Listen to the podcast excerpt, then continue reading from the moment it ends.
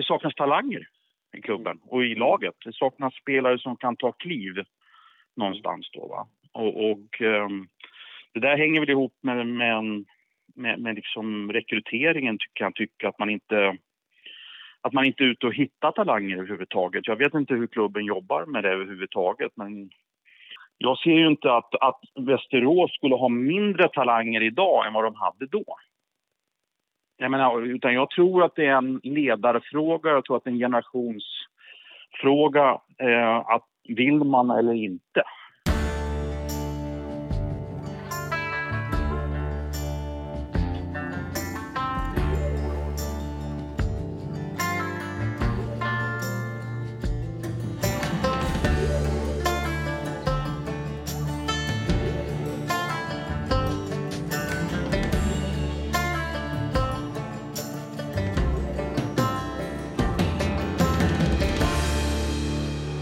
Hej och välkomna till ännu ett avsnitt av Uppför Bågebacken!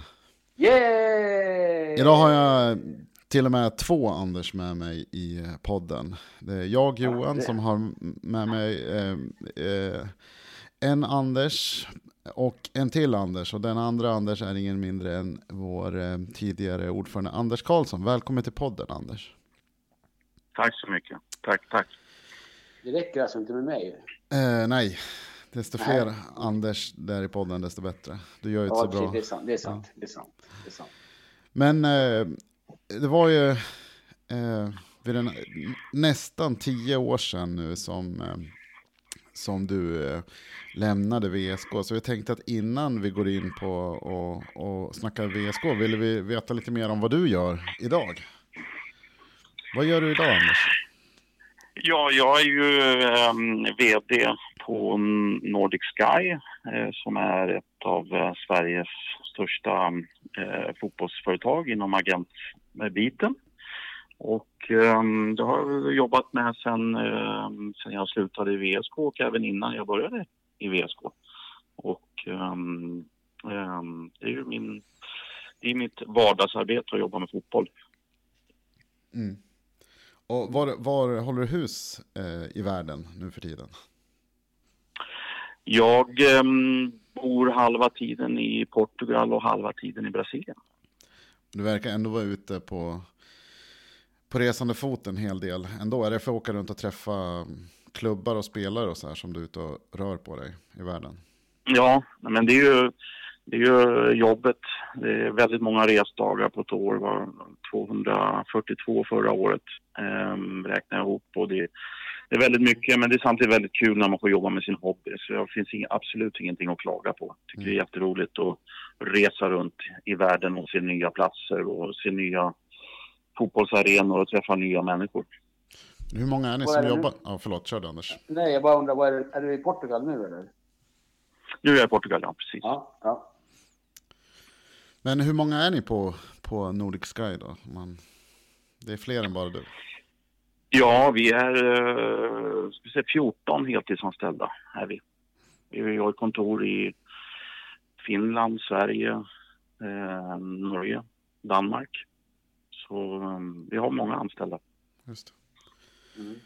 Om, vi, eh, om vi börjar med att prata lite grann om, om det du gör nu då, och, och liksom ditt levebröd så har det ändå skett en otrolig utveckling de här sista ja, jag, 25 åren kommer ihåg den första eh, agenten Sverige hade var ju Börje Lantz. Eh, som var liksom en speciell figur. Han var liksom ensam på täppan på den tiden. Sen har det hänt otroligt mycket i, i agentvärlden och branschen. Kan du bara kort för oss okunniga rekapitulera vad som har hänt från hans dagar fram till idag? Utan att det tar tre timmar.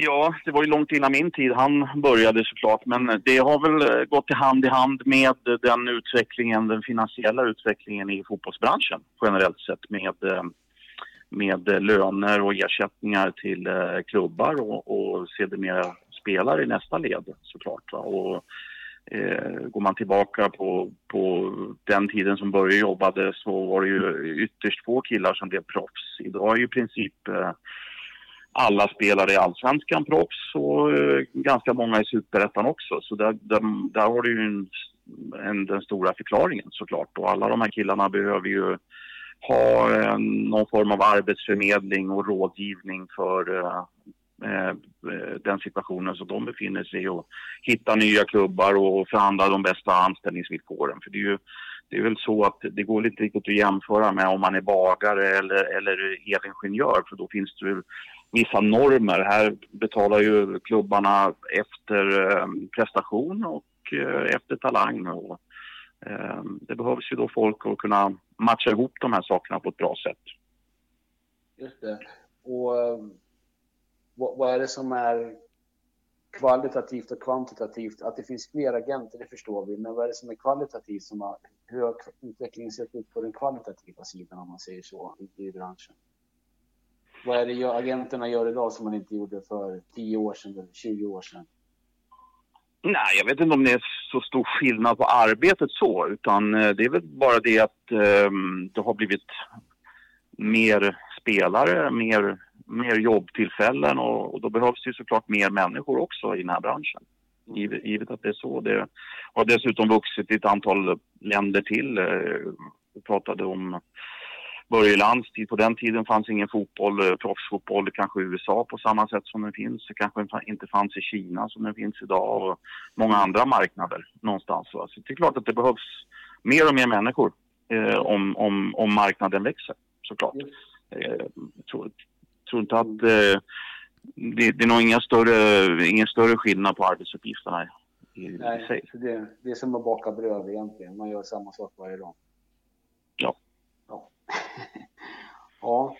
Eh, men för oss då som verkligen inte kan någonting om agentbranschen utan bara får läsa om det i tidningar och vi förstår att det finns en stor, liksom säga, ganska dold värld där bakom det vi som supportrar ser av fotbollen. Eh, kan du liksom beskriva lite kort då hur man, hur man jobbar som agent för att både allt från rekrytera spelare till att eh, få dem att, så att säga, eh, optimera sin, vad ska man säga, plats på marknaden för att allt från att liksom hamna så bra lag som möjligt till att tjäna så mycket pengar som möjligt. Eh, hur gör man rent konkret? Alltså det är ett rätt så stort jobb det där. Många, många av de spelarna som vi rekryterar börjar vi ju rekrytera när de är runt 15-16 år gamla. Och mm. um, sen så ska man ju då leda dem in i, i den här ganska tuffa proffsidrottsvärlden. Eh, och det är ingen eh, lek på något sätt. eh, för eh, klubbarna är ju ganska ehm, tuffa också på att bestämma vilka spelare de vill satsa på, hur mycket de vill betala löner till dem. De kanske ena dagen har en duktig 16-årig forward själv. Nästa dag så köper de en annan 17-årig forward från Afrika som, som kommer dit kanske. Eller, eh, Eh, det finns alltid saker och ting som, som händer och då behöver de här killarna en, en, en, eh, en röst i båset som kan ta hand om alla situationer som kan, kan uppstå. Det handlar ju väldigt mycket också om såklart att och stötta dem i, ehm, i resan från att vara en ungdom till att bli en vuxen individ i en ganska mm, ehm, besvärlig situation med hård konkurrens. Och då upplever vi nog att många av de här behöver rätt så mycket hjälp någonstans. Ja. Och, och, när du säger hjälp då, vad, vad innebär det? Ringer man och pratar med dem varje dag då? Eller hur, hur, har man, hur, sköts, hur sköter man sina kontakter med sina spelare som agent? Det är väldigt, väldigt individuellt. Vissa killar behöver mer stöttning än andra. Det finns ingen speciell formel som vi använder för det utan det är väldigt personligt. Och mm. de killarna som jobbar för oss um, bygger upp en relation med eh, spelarna och, och, de här individerna och därifrån så, så erbjuder man eh, stöttning då på, på, i samband med matcher och i samband med kontraktsförhandlingar och i samband med privata händelser där man behöver lite, lite stöttning också. Det, det beror alldeles på lite grann hur man är som människa och hur mycket, hur mycket man behöver oss. Någonstans ja, ja, ja, just det. Men vad den typiska spelaren som ingår i, i ert stall så att säga, hur mycket tid måste man lägga ner på en sån spelare, låt säga på en månad, eh, under en normal säsong liksom, så där som rullar på liksom? Det, det, är en svår fråga att svara på. Jag, jag har inga sådana spelare själv som jag jobbar med. Jag har, inga individuella klienter längre. Nej. Men eh, jag, jag skulle gissa på att det, det sker nog en kontakt eh, en, två gånger i veckan för vissa spelare och, eh, för vissa spelare som kanske blivit lite äldre och, och som inte behöver det. Kanske, kanske mindre än så. Det, det är väldigt svårt att säga någonstans då. Mm. Och, Och sen- är det väl så här i vissa perioder, man kanske går igenom en tuff period när man kanske är utanför laget eller har haft en skada så kanske man behöver lite mer och när det ja, flyter på och det, det går bra varje match då, då behöver man lite mindre stöttning någonstans Ja. då. Så det finns ingen, det finns ingen formula helt enkelt. nej, just det. Och, och, så, så det blir, ska man, det är någon slags, man bygger upp ett förtroende, sen är man någon slags också, förutom att man är arbetsförmedlare så är man också någon slags personlig coach då, då eller hur ska man gestalta den rollen, eller hur ska man beskriva den? Ja, det skulle man kunna säga att man, eh, man stöttar de här killarna och, och jag vet inte personlig coach men, men, men en, en, ja, en, en rådgivare brukar vi kalla det någonstans Ja. då. En Ja. som, som ger råd. I, men vi, vi har ju jobbat med det här många, många år så vi, vi har ju sett många av de här situationerna förut så vi har ju råd att ge någonstans Mm, mm. Ja, exakt. exakt. Får jag då fråga eh, här, jag tänker hur, hur går det till egentligen när man hittar varandra? Så där, i, vilken mån är det, I vilken mån är det spelaren som hittar agenten eller agenten som hittar spelaren? Så att säga? det är till 95 procent vi som hittar spelarna. Vi, vi identifierar spelarna i, i olika fotbollssammanhang och därefter så, så tar vi en kontakt och, och bokar möten, vilket såklart alla våra konkurrenter också gör. Och så väljer spelarna någon som de väljer att jobba med och, och så går man vidare från det. Har det beroende, beror det på vilken, alltså, så, var man som agent befinner sig i näringskedjan på något sätt? Att det finns agenter som är längre ner i systemet som är ute och jagar på ett annat sätt tror du? Liksom?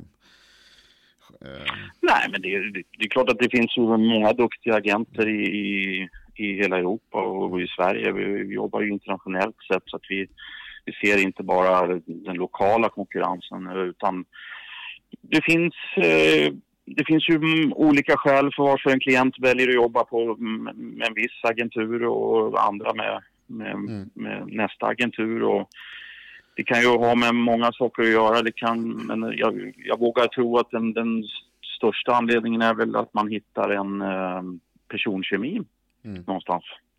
Ja, precis. Hur är det, brukar det vara så att en spelare som kommer till er och säger liksom att, ja men, beskriver sin drivkraft på något sätt och kan säga att för mig är det viktigaste, liksom, jag vill spela i den här ligan eller jag vill vinna, eh, jag vill vinna serier eller jag vill tjäna så mycket pengar som möjligt. Eller liksom, är det, brukar det kunna vara eh, o, eh, olika drivkrafter hos olika spelare eller brukar det se ungefär Oh lika? Vad, vad Oh beror det oftast då, utan att liksom... Nej, men det är klart att mm, vi hade sig en 30-årig kille som, kanske har kontrakt som går ut och spelar i Allsvenskan alla år. Så kanske är hans drivkraft en annorlunda än en, än en 16-årig kille som, som kanske ska precis börja sin resa i, i eh, fotbollsvärlden någonstans. Så det är klart att det finns olika drivkrafter och det är det, det är väl inget märkligt med det Nej. någonstans. Utan ehm, eh, man, man, man ställs inför olika situationer och så försöker man skaffa sig den hjälp man behöver för den situationen såklart. Men det vanligaste brukar vara att det beror lite på var i karriären man är på något sätt. Så att man kanske har lite olika intressen beroende på om man är i början eller i slutet av karriären. Ja. Ja, absolut. Det kan ju också vara så att man inte spelar någonstans i, och känner att ja, men nu, det här funkar inte längre, nu måste jag hitta hjälp för att hitta någon som tror på mig. Mm. Någonstans då. Det, finns, det finns många situationer någonstans. Ja, eh, sa att ni bara plockar spelarna vid 15-16 års ålder eller försöker rekrytera dem. Eh, är, det, är det den optimala åldern det? Eller hur, vad är det som avgör när man ska försöka närma sig en spelare och knyta den till sig så att säga? Eh, fotbollförbundet har numera regler för det där så att man, man får börja i den här åldern eh, någonstans. Eh, och det följer vi eh, i Sverige. Och Eh, nej, vi har väl ingen ålder så som vi, som vi liksom är fast vid så. Det, helst så skulle man kanske börja jobba med, med spelare som är lite äldre men det finns ju också som jag sa en konkurrenssituation där det finns Mm. finns många som jobbar med det här och, och eh, jag brukar nog uppleva att, att eh, hittar man en spelare först så har man också störst chans att gå i mål och börja jobba med den spelaren så att säga. Då. Så att, eh, det är väl klart att ehm, eh, helst av allt om man fick välja så skulle man kanske börja aningen senare men jag tror samtidigt att det är rätt så nyttigt att som jag sa man får eh, hjälp i de här första kontrakten också. För, för eh, ska klart för sig att de här, de här klubbarna har också sina agendor. Och, och det är klart, klart att det är bra att, att få professionella människor vid sin sida vid alla typer av förhandlingar. Mm, mm. Absolut. Sen, nu är ju träffsäkerheten, de flesta 16-åringar spelar fotboll som kan vara intressanta för en agent kommer ju aldrig bli några proffs i, i eh, Spanien eller så. Så träffsäkerheten är väl rätt låg kan jag tänka mig på många som liksom kommer inte vidare. Eller kanske slutar när de är 19 på grund av en skada eller att de får andra prioriteringar i livet eller vad som helst. Det, hur, hur, ser det ut liksom? Sållar ni stenhårt eller hur, hur, får ni, hur får ni, vad har ni för träffsäkerhet liksom för att kunna jag upplever nog faktiskt att vi har väldigt bra träffsäkerhet om man ska vara ärlig. Jag, eh, det är klart att, att det, det, här är ju, det här är ju individer. Eh, så att oavsett hur, hur duktig en fotbollsspelare är ehm, med, med, bara liksom de tekniska färdigheterna och de, de egenskaper man behöver som spelare. De, det, det är ju en del och det är det vi ser.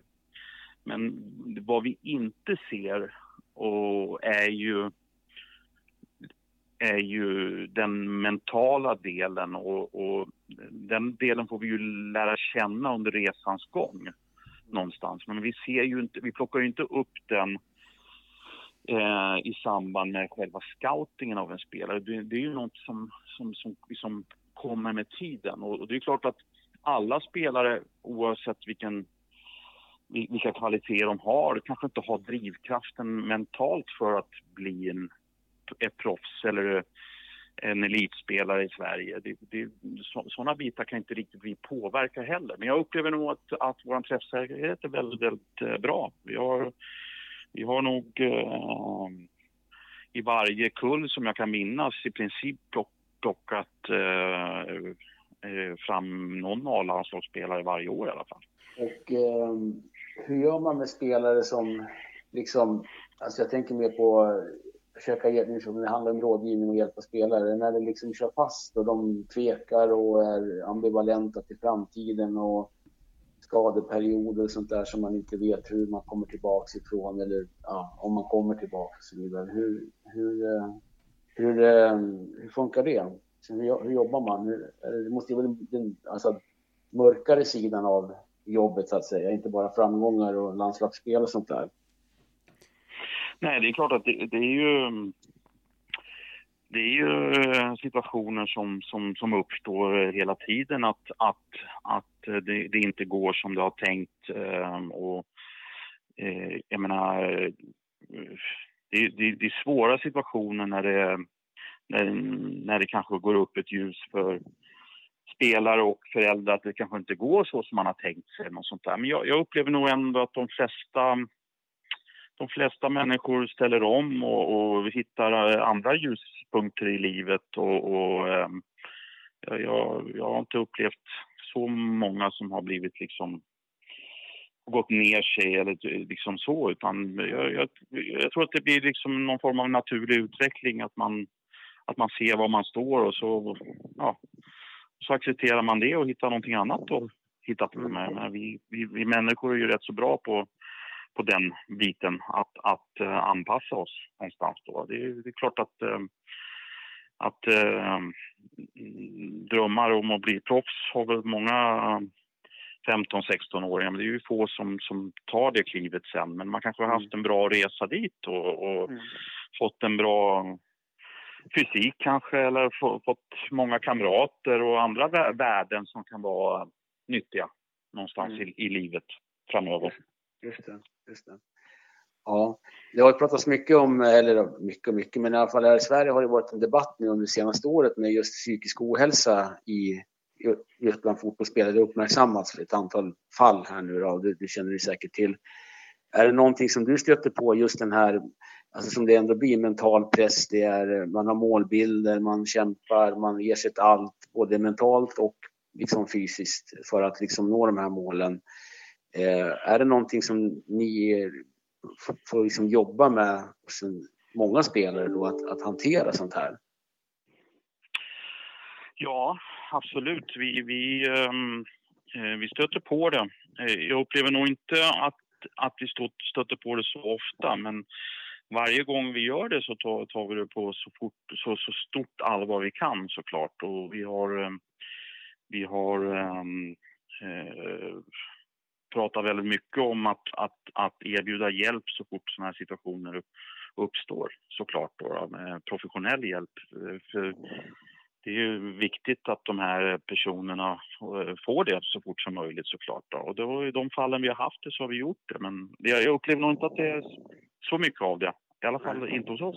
Nej, nej, En annan fundering som jag har när vi ändå pratar om agentverksamheten och sådär. Jag, jag tillhör ju de här, en av de här människorna som läser eh, och eh, ägnar hela dagarna åt att läsa nyheter eh, och eh, mm. tidningar. Och, eh, någonting som har slagit mig är hur otroligt sällan det är som en agent porträtteras i media på ett annat sätt än liksom som när det är agenten som liksom får vara bad guy på något sätt i, i en eh, nyhet. Det är sällan man får liksom höra om en agent som har hjälpt eller gjort något positivt. Då blir det väl liksom inte en nyhet eller spännande på något sätt. Men utan det framställs liksom oftare som giriga eller manipulativa eller när det uppstår konflikter med spelare eller så här. Vad, Eh, tycker du, upplever du också det så att det liksom är lite orättvist eller på något sätt missvisande hur, hur agentrollen egentligen ser ut om man tänker på liksom mediebilden av en fotbollsagent?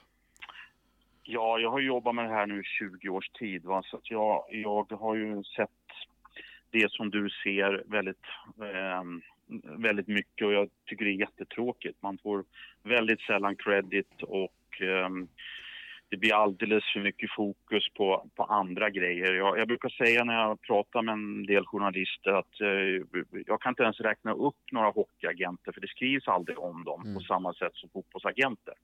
Eller, eh, eller agenter för tennis eller agenter för golf eller vad, vad det nu är för någonting. Alltså de, jag, det är otroligt mycket negativ fokus på det här yrket och har varit under en lång period. Så mm. jag tycker det är jättetråkigt. Okej, okay, det finns en, en, en, en skepsis eh, hos många för agentverksamhet generellt sett och att man liksom ska tjäna pengar och allt det där på något mer eller mindre smutsigt sätt. Eh, men eh, vad tycker du som seriös nu? Jag menar, du har haft det här företaget i många, många år och liksom ja, uppenbarligen eh, lyckats bygga upp det och få det att fortsätta och expandera och allting det här så, så och betraktas som liksom seriöst och eh, funktionellt. Men hur, hur ser du på själva agentbranschen? Jag menar, det måste ju finnas både toppar och dalar även i den branschen, som, även som det finns hos bagarna så att säga och andra branscher. Ja, men jag, jag som är i branschen upplever nog eh, att, att eh, de flesta som jobbar i den här branschen som jag stöter på är, är duktiga affärsmän och som, som bidrar till, ehm, till bra eh, bra saker för fotbollen någonstans. Va? För att vi ska ha klart för oss att, att eh, många klubbar behöver sälja spelare, många klubbar eh, har ett, har ett, behov av att fylla på kassan då och då och då behövs det duktiga säljare och duktiga människor som kan se affärsmöjligheter för det.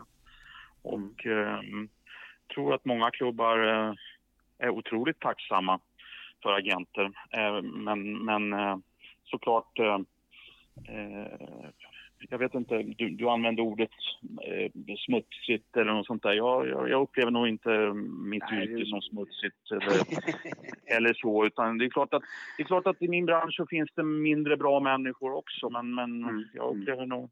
Jag jobbar med det här som jag sa i många, många år. Då, det kommer eh, en del sådana människor så är de inne i branschen ett par år och sen så försvinner de iväg. Så att, um, det finns väldigt många duktiga som har varit med väldigt, väldigt länge. Ja, men så är det. Är, du, är man duktig på något så och seriös så då klart, då blir man ju kvar. Eh, vad tycker du om, eh, menar, för förra veckan kom ju Fifa ut med ett förslag eh, om att begränsa ersättningar till agenter då med olika procentsatser hit och dit. Och som, ja, jag vet inte varför, men uppenbarligen tycker de på förekommande anledning då att, att det är för mycket pengar eller ersättningsmodellen är Eh, inte bra då på något sätt. Vad, har du några tankar runt det? Alltså, jag, tror inte, jag tror inte att det där kommer att gå igenom till att börja med. Därför att um, det, sanningen är så här att, att när en, en duktig spelare finns på marknaden som representeras av en, av en duktig agent så då finns det inga begränsningar för det. Och, och det, bör, det, det, är inte, det är inte agenten ofta som sätter de ramarna utan det blir någon form av budgivning. Löser du det här så får du det här. Eh, kommer den här spelaren till oss så, så får du det här och, och spelaren får det här och, och så vidare. och så vidare. Det, det börjar där, det börjar hos klubbarna. Det börjar definitivt inte hos agenterna. Det är många gånger som vi har fått eh, väldigt höga agentarvoden erbjudna, även om vi inte har tagit dem, som är långt över de ersättningar som, som är normala för att det har varit en prioritet hos klubben att lösa det någonstans då. Så jag tror inte... Mm. Jag tror inte att det är um, så enkelt att begränsa det där, men låt oss se. Eh, det, har, det, det, finns ju redan idag rekommendationer hos Svenska fotbollförbundet och många andra liksom, eh, förbund på hur mycket det ska vara och vad som är rimligt och sådär. Det, det var väl ingen som har följt dem överhuvudtaget heller. Någonstans. Okay. Så, men varför tror du Fifa, jag, jag är helt noll insatt i ämnet, så jag ärlig fråga, varför tror du Fifa liksom ändå tänker i de här banorna så att säga?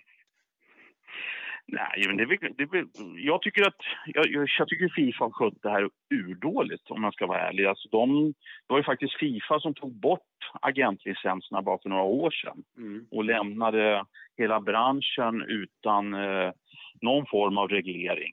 Och eh, de eh, lät då alla nationella förbund ta hand om det där och det har blivit fullständigt kaos. Eh, kan berätta för er att i mitt jobb då så jag har en gång i tag, eh, långt tillbaka i tiden tagit en internationell eh, Fifa-licens som agent. Eh, efter då ha jobbat i det här med i 15 år så var jag tvungen i, i varenda land i Europa åka runt och göra nya prov. Mm. Helt bisarrt någonstans. Okay. Okay. Eh, ja, ja. Och, och, och, och, svindyrt också, eh, kan jag tala om. Så, att, eh, så det är väl Fifa som nu försöker ta kommandot igen i den här branschen. På, på, ett sätt tycker jag de skulle aldrig ha släppt en gång i tiden, men de, de gjorde det. Och vi får väl se vad vad det här leder till. Um, jag, jag, har läst uh, lite grann om det och så, så att jag vill, det är nog några månader eller något år innan det där kommer ut och så får vi se vad det innebär någonstans då. Men, men jag tror om, om, om de är ute efter att reglera den finansiella delen av det här så, så tror jag att den delen hittar nog olika eh, klubbar och agenter lösningar för ändå. En eh, fråga som eh, inte direkt hör till själva agent men som vi vi som finns på supportersidan väldigt ofta funderar över, inte minst i Sverige på vissa, vissa klubbar. Eh, det är så här med svarta löner och sånt där och hur det förhandlas med spelare, eventuellt när agenter är med. Eh, har du upplevt att det förekommer i sådana diskussioner när du sitter med, eh, med spelare i en klubb och där man ska förhandla villkor och sådär, att det kommer sådana förslag? Ja, ni minns nog båda två eh, hur jag ser på det här med svarta löner. Jag, jag gick ut och, och, och, och, kritiserade våra lokalkonkurrenter Syrianska Kerburan en gång i tiden stenhårt för deras, deras användande av svarta löner eh, någonstans. Då. Så att jag, mm. jag, jag eh, är helt emot eh, det och vi i vårt företag är inte delaktiga i att förhandla något sådant kontrakt någonsin. Nej, och det, det, låter ju rimligt. Men eh, tanken alltså förekommer, alltså, alltså förslagen om man säger så. Finns det eller är det, är det tillhör det historien eller vad, hur ser det ut idag? Vad är, vad är upplevelsen? Alltså jag upplever från mitt nu, nu, är det så att jag jobbar inte några lägre serier och inte har gjort och vårt företag gör inte heller det så jag, jag kan inte sitta och prata om vad som händer i, i, i på lägre nivå. Men på, på, på högsta nivå så förekommer det överhuvudtaget inte. Nej. Finns det några, det är ju inte bara alltså, andra typer av så att säga, förmåner som skulle kunna vara skattepliktiga men där man så att säga försöker glida undan skatt eller liksom ja, det spelaren eller klubben ska betala då för att eh, ja, det behöver inte vara pengar, det kan ju finnas andra förmåner. På samma sätt svarar jag på den. Jag, jag, på den nivån som vi jobbar på så ser vi inget sånt alls. Spännande att höra ändå en, hel, eh, en del om, eh, om eh, agentverksamheten som vi trots att vi ägnar stor del av dagarna åt det här med fotbollen, kan och vet väldigt eh, lite om. Vad tror ni om att vi tar och snackar lite mer om, om VSK? VSK är ju det som jag vill prata om, så, att, eh, ja, så det, är det är spännande.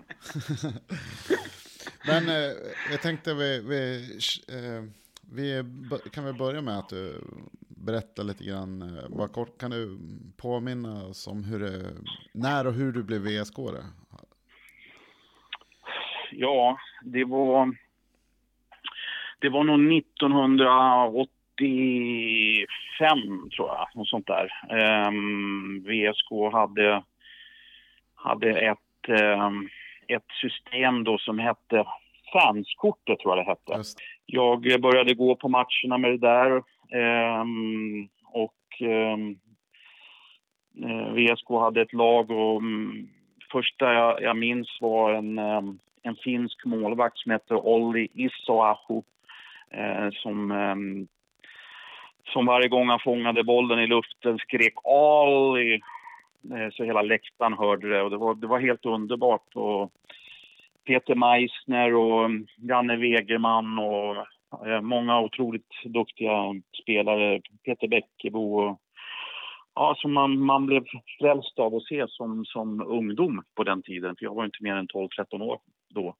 Och um, um, sen eh, ja, så blev man så frälst i det där eh, så man gick då eh, så ofta man kunde. Och det var något år de till och med tog bort det där fanskortet. Då använde man ju alla sina veckopengar åt det. Och när man inte hade veckopeng så, så var jag tillräckligt smärt på den tiden så jag kunde rulla under staketet där eh, för att kunna ta mig in ibland. Så att ehm, jag, jag, miss, jag cyklade själv till matcherna från Önstagryta till, till Arosvallen och såg de flesta. Eh, jag började ju faktiskt i VSK som, som ungdomsledare.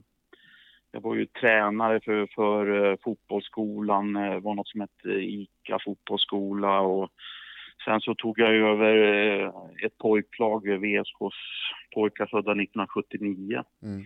som jag tränade tror jag var i fyra år. Och vi gick till pojkallsvenskan och och ifrån det laget så blev eh, Martin Andersson eh, A-lagsspelare och sedermera eh, eh, såld till Trelleborg och så kom han ju tillbaka efter ett tag och, och sådär. Så att eh, jag hade en lång period jag jobbade även eh, jag jobbade ju även som, som volontär på matcherna. Jag, jag eh, både på bandyn och fotbollen så stod jag sen i, i vändkors och gjorde allting för att hjälpa VSK på ideell basis. Mm. Det var helt underbart på den tiden. Mm. Eh, och sen, sen kan man väl säga att sen, sen började ju mitt man säger, yrkesliv. Jag flyttade till Stockholm då i mitten på 90-talet och, och följde VSK så mycket jag kunde men det var, blev mindre liksom när man skulle börja jobba och hitta något sätt att försörja sig på.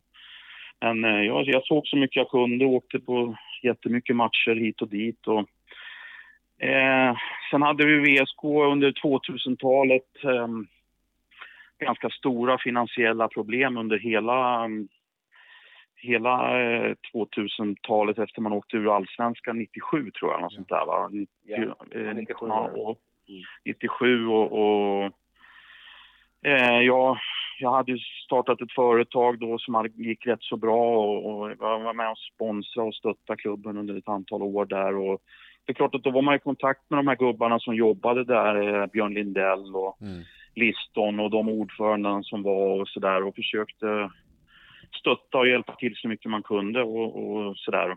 Um, sen var det väl, det var väl 2005 då som de åkte ur och då hade jag rätt så mycket kontakt. Var, jag tror det var jag och, och, Björn Lindell och Peter Markstedt och några till som pratade rätt så ofta om, om, om klubben och eh, Thomas Åhlén och några till, Esbjörn Larsson och, och sådär. Och då, då hamnade jag också i ett läge där jag var rätt så trött på mitt jobb.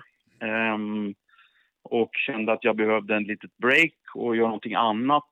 Och jag fick väl egentligen förfrågan där på hösten 2005 när de kämpade i, i för att hålla sig kvar ehm, och tackade ja rätt så tidigt och, och, och, bestämde mig för att ta ett break från mitt jobb som agent under ett par år. Då. Och, eh, så, så det var så, så det började någonstans då. Mm.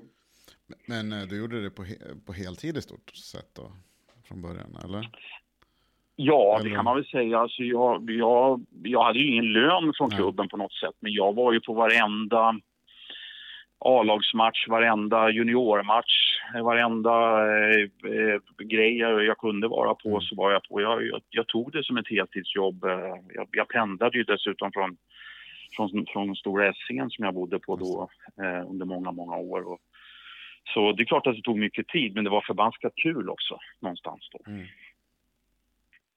Man ska ha klart för sig att, att, att 2005 när laget åkte ur superettan så hade ju klubben inga ungdomsspelare. Jag tror att eh, Thomas Fryklöv hade någon liten grupp med sju gubbar, någonting som, som tränade under A-laget. Och under den här perioden från 2006 till 2010 så, så byggde ju i, i klubben och jag upp en, en eh, otroligt stark ungdomsverksamhet där vi hade juniorland, eh, juniorlag och pojklag på högsta nivå i Sverige någonstans då. Så att, eh, det, var, det, tog väldigt mycket tid någonstans, men det var, var jättekul också såklart. Mm. Mm. Men eh, hur var det då under de här åren? Jag tänker så här, det var ju liksom ett ständigt favorit, favoritskap. Liksom. Det var ju tufft. Eh, jag kan ju så det var ju tuffa år med det här att vi alla förväntade sig, i alla fall till en början, att vi skulle gå upp hela tiden igen. 2006, 2007, 2008, det var ju liksom år efter år där liksom det var samma, eh, samma sak. Att alla förväntade sig hela tiden att vi skulle vinna serien. Liksom, och att det skulle gå fort. Ja. Och gärna vinna med 6-0 ja. eller någonting också varenda match. Det var ju... Ja, men någonstans är det ju ändå VSK vi pratar om här. Det var liksom ett, ett lag med en historia och, och um, man hade ju ändå spelat då i allsvenskan som jag sa 97 och sen hade man liksom varit med i, i superettan sen, ja man började väl superettan där och, och liksom eh, hade varit med på den här resan. Eh, någonstans så tror jag, här, när man har fått lägga tiden bakom sig lite grann så har man ju tänkt väldigt mycket men det fanns liksom inga spelare att göra någon generationsväxling med mm. någonstans efter man åkte ur. Och som jag sa, det fanns liksom ingen ungdomsverksamhet överhuvudtaget och ingen rekrytering av spelare överhuvudtaget eh, i länet eller i, liksom ut och leta, hitta talanger. Det fanns ingenting, så man fick börja, började från noll någonstans. Och det innebar ju också att när man då åkte ur så fick man ju också åka ur med de spelarna som, som som hade spelat VSK ur det året och, och bygga laget kring alla de spelarna. Och det, med facit i hand kanske man inte skulle ha gjort, men det fanns liksom inget val. Det fanns inga andra att ta till. Någonstans. Det fanns inget juniorlag du kunde flytta upp eh, fem gubbar ifrån och, och, och, ge chansen och ha lite lägre löner på, utan man åkte ner med Jonas Stark och Johan Svensson och det här gänget som, som var med på den här tiden någonstans då. Och det är mm. klart att de här killarna som då var, var 30, 30 plus, en del av de här, de var inte intresserade av att spela för 1500 spänn i veckan någonstans då. Och klubben hade inte så mycket alternativ. Och då är det klart att med alla de spelarna så byggde du ett favoritskap också.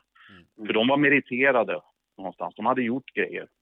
Men eh, efter, efter, några år där i favoritskap så var det liksom en diskussion om eh, att VSK kanske skulle ta över Väsby Uniteds eh, plats i mm. Superettan. Kommer du ihåg någonting av det? Och liksom, jag har väldigt svaga minnen av hur det där gick till egentligen. Och liksom om, om det var konkreta förhandlingar eller, eller något beslut på gång. Eller, Nej, det var inga det var inte några konkreta förhandlingar så, utan äh, jag, jag kände ju då äh, de här gubbarna i Väsby eh, och de hade ju då de hade ju då eh, varit ihop med AIK ett par år.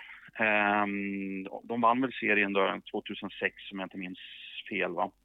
Ehm, och gick upp i superettan och sen hade de ekonomiska problem och AIK ville inte pumpa in mer pengar. Och jag ställde frågan vid något tillfälle liksom, eh, om det fanns någon vilja att, titta på någonting men det fanns det inte på den. Det, det fanns inga möjligheter till det. Men en lös förfrågan fanns men mm. det var ingenting som hamnade på någon styrelsebord för det fanns ingenting att diskutera någonstans då. Eftersom det inte gick att göra. Eh, det här är en fundering som jag har. Är det någon av VSK-spelarna som var då som du kan tycka eller som du, borde tänk, som du brukar tänka liksom att den spelaren borde eller kunde ha nått längre? Kemen Berhane hade jag nog eh, större förhoppningar om att han skulle kunna bli någonting mer än vad han blev. Mm. Någonstans då. Det, han tyckte jag hade talangen för att, för att kunna göra hela resan. Mm. Hur långt tror du han skulle kunna gått då? I sådana fall om, Nej, om han hade fått vara hel och, och satsat hårt? Ja, nej men alltså vi ska klart för oss att, att eh, liksom, talangmässigt så skulle han ha klarat att spela på absolut högsta nivå i, i Sverige. Någonstans mm. då. Mm.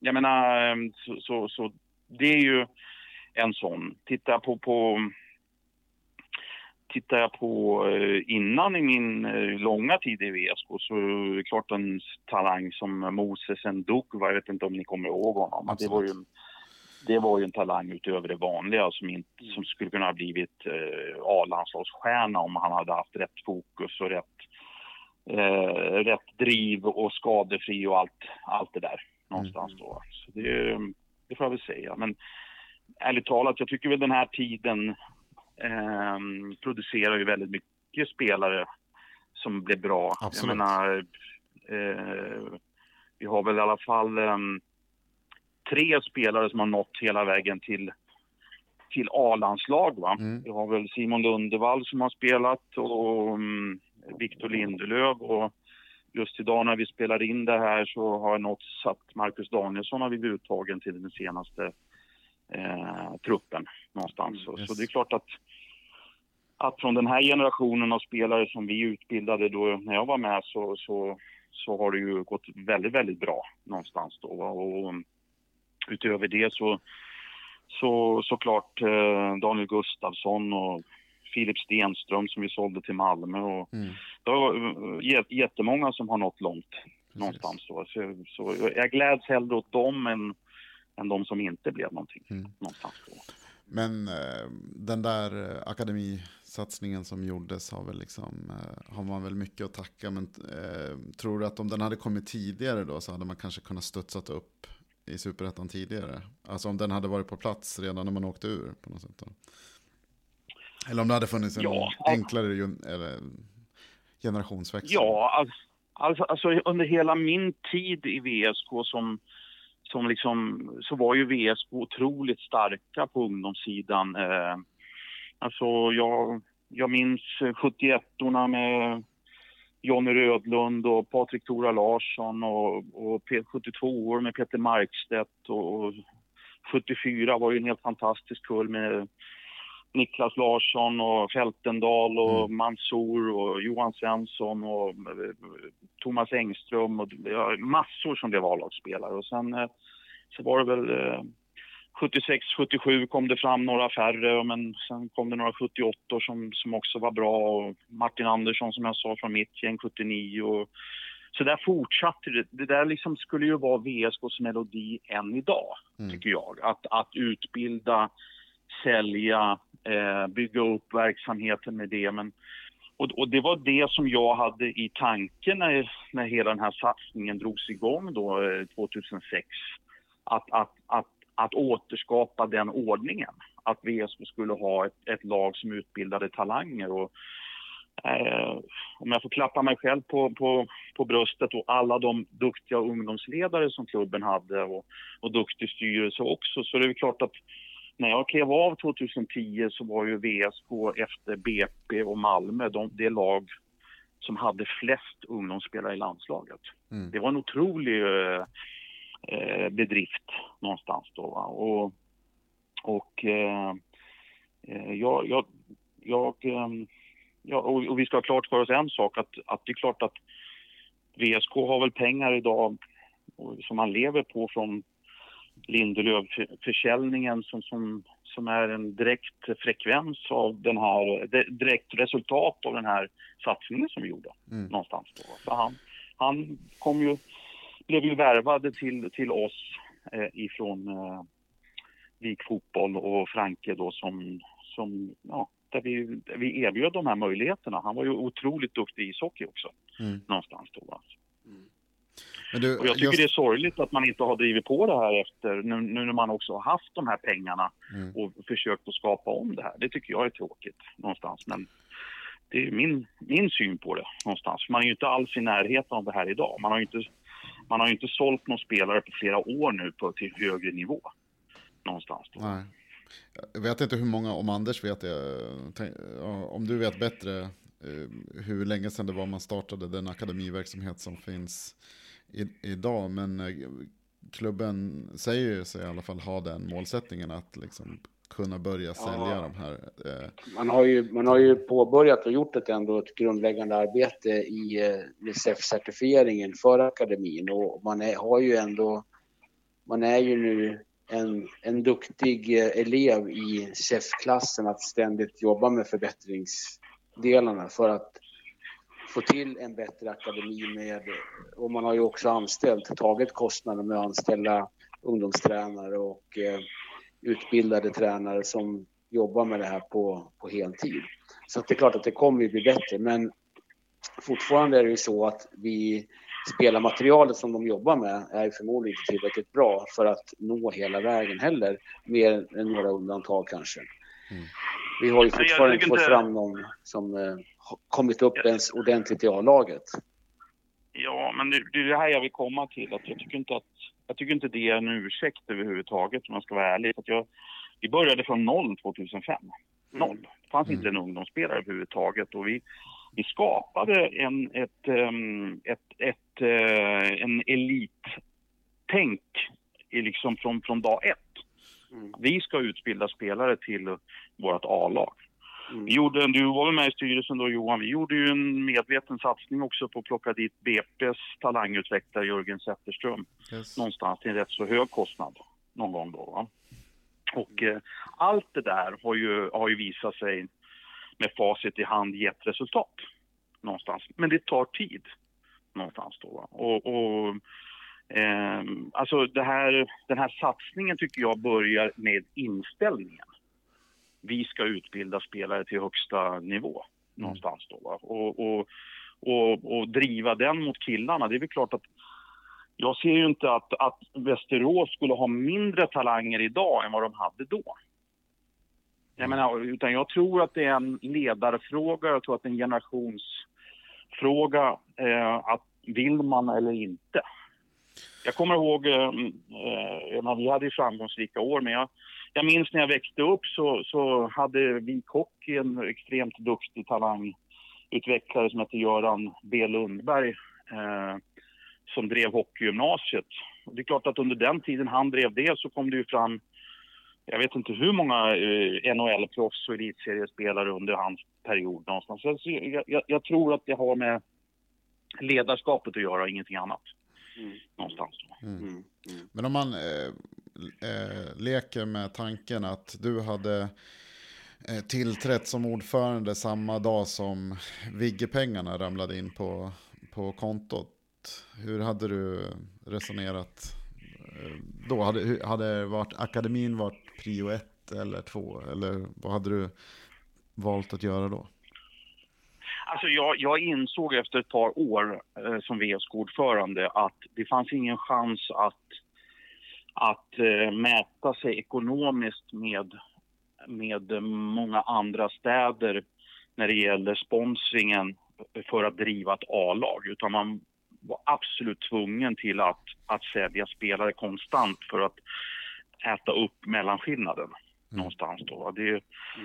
alltså, jag, det fanns år där vår största sponsor ABB la samma pengar som jag gjorde från mitt lilla företag, delvis 100 eller 150 000 kronor.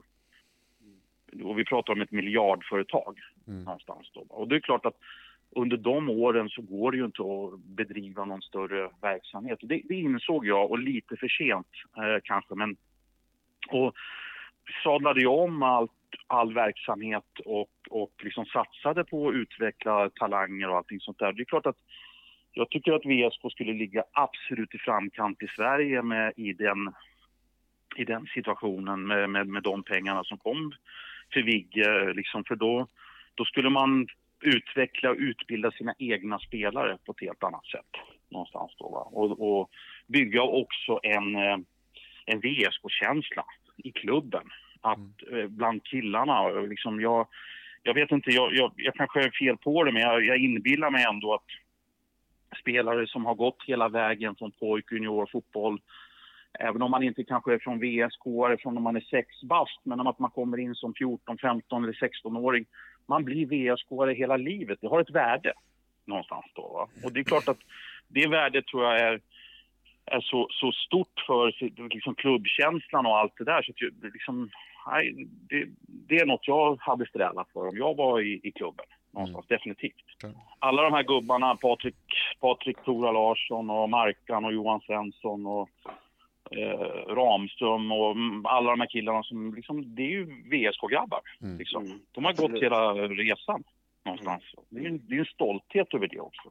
Någonstans då. Vad tror du är förklaringen då? Alltså, jag menar, när du tillträdde 2006, då var ju ambitionsnivån att komma tillbaka till superettan i första eh, hand. Det har ju liksom kommit och gått en hel generation med fotbollsspelare utan att vi egentligen har lyckats etablera oss igen. Vi hänger ju på gärdsgården nu eh, också?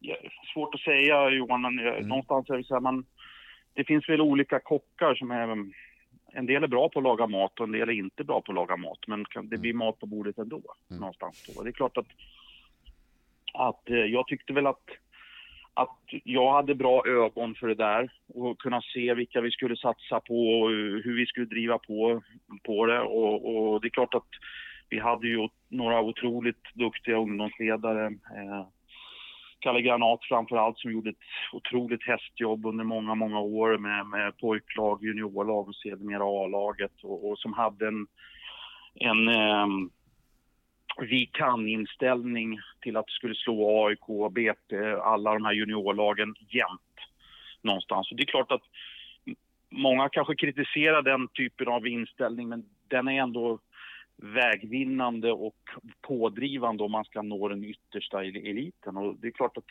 Jag, ska ge ett exempel. Jag ska ge ett exempel mm. faktiskt. Um, vi hade ett möte en gång med Viks P91-kull. Ja.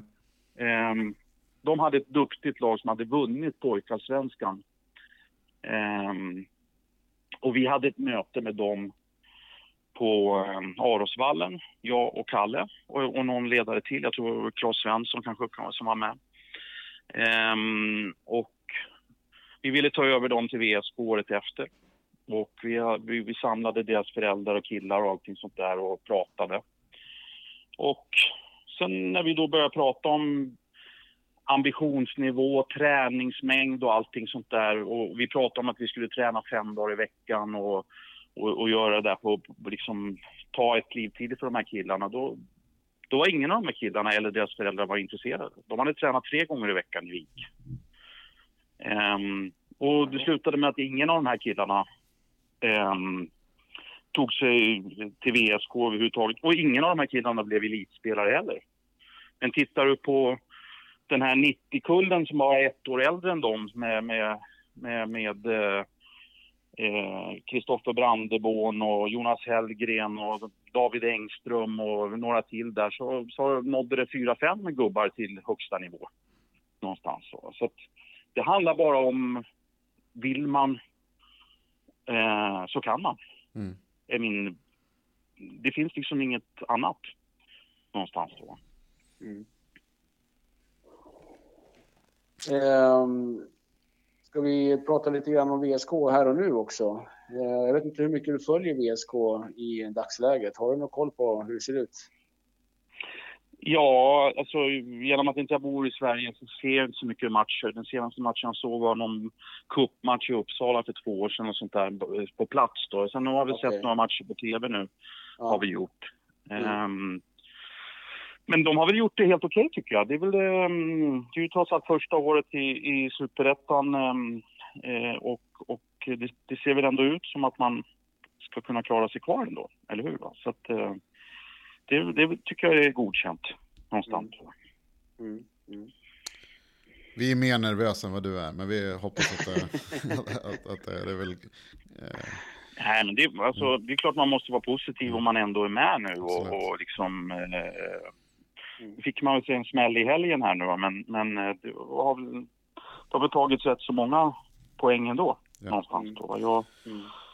eh, sen, jag vet inte, jag, jag, det är klart att jag som jobbar med det här tycker väl att återigen att det saknas liksom, um, det saknas talanger mm. i klubben och i laget. Det saknas spelare som kan ta kliv någonstans då va. Och, och um, det där hänger väl ihop med, med, med, med liksom rekryteringen, kan jag tycka, att man inte att man inte är ute och hittar talanger överhuvudtaget. Jag vet inte hur klubben jobbar med det överhuvudtaget, men, mm. men, men jag, jag, upplever inte att det finns några talanger överhuvudtaget. Vad tycker ni? Eh, ja, ja man, man, försöker nog, men eh, det finns absolut en klar brist så här långt till att just hitta dem och sen skola in dem i eh, verksamheten. Det, får man, det tycker jag vi skrivit många gånger om på Anno 1904, hur man måste bli bättre just på både att hitta talangerna och faktiskt skola in dem i A-lagsverksamheten. Det finns eh, några som knackar på A-lagsdörren, men de får ju väldigt lite chans att mm. eh, ta klivet. För att eh, ja, den tränaren som vi har haft nu som har fått sparken, han ja, han vägrade under sin, sin tid, ja, sina två år, som, eller ett och ett halvt år som huvudtränare, att faktiskt spela yngre spelare. Han förlitade sig på de äldre. Det var liksom Jonas Hellgren och Simon Johansson och så vidare som skulle göra det. Liksom. Och, ja, det, det, är klart, de är duktiga fotbollsspelare, men eh, det kommer inte fram några nya bakom dem. Så är det ju kan också titta på hur man då har, om man tittar liksom värvningar överhuvudtaget så hade man väl en strategi förra året som var liksom de här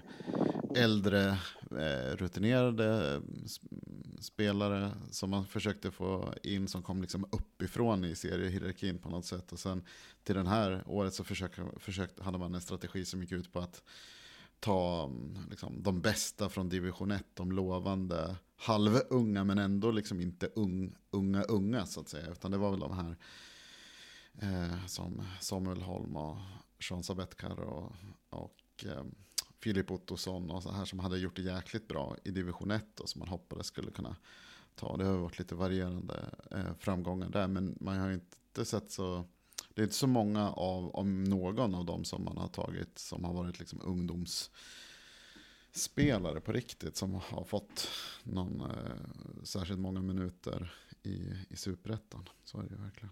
Ja, men eh, vi, tänk, vi har ju varit inne på det här och nosat lite grann. Men alltså, det är ju så här nu att eh, eh VSK hade ju en eh, Andreas Dajan här som ordf ordförande avgick under året och blev klubbchef istället. Vi har en TF ordförande nu eh, som är Christer Blom här. Så till, eh, till våren är det ju dags att välja ny ordförande. Så jag tänkte avsluta med att fråga Anders, om, har du något tips eh, till den som blir ny på ordförandeposten här i, i, i vår som du vill skicka med?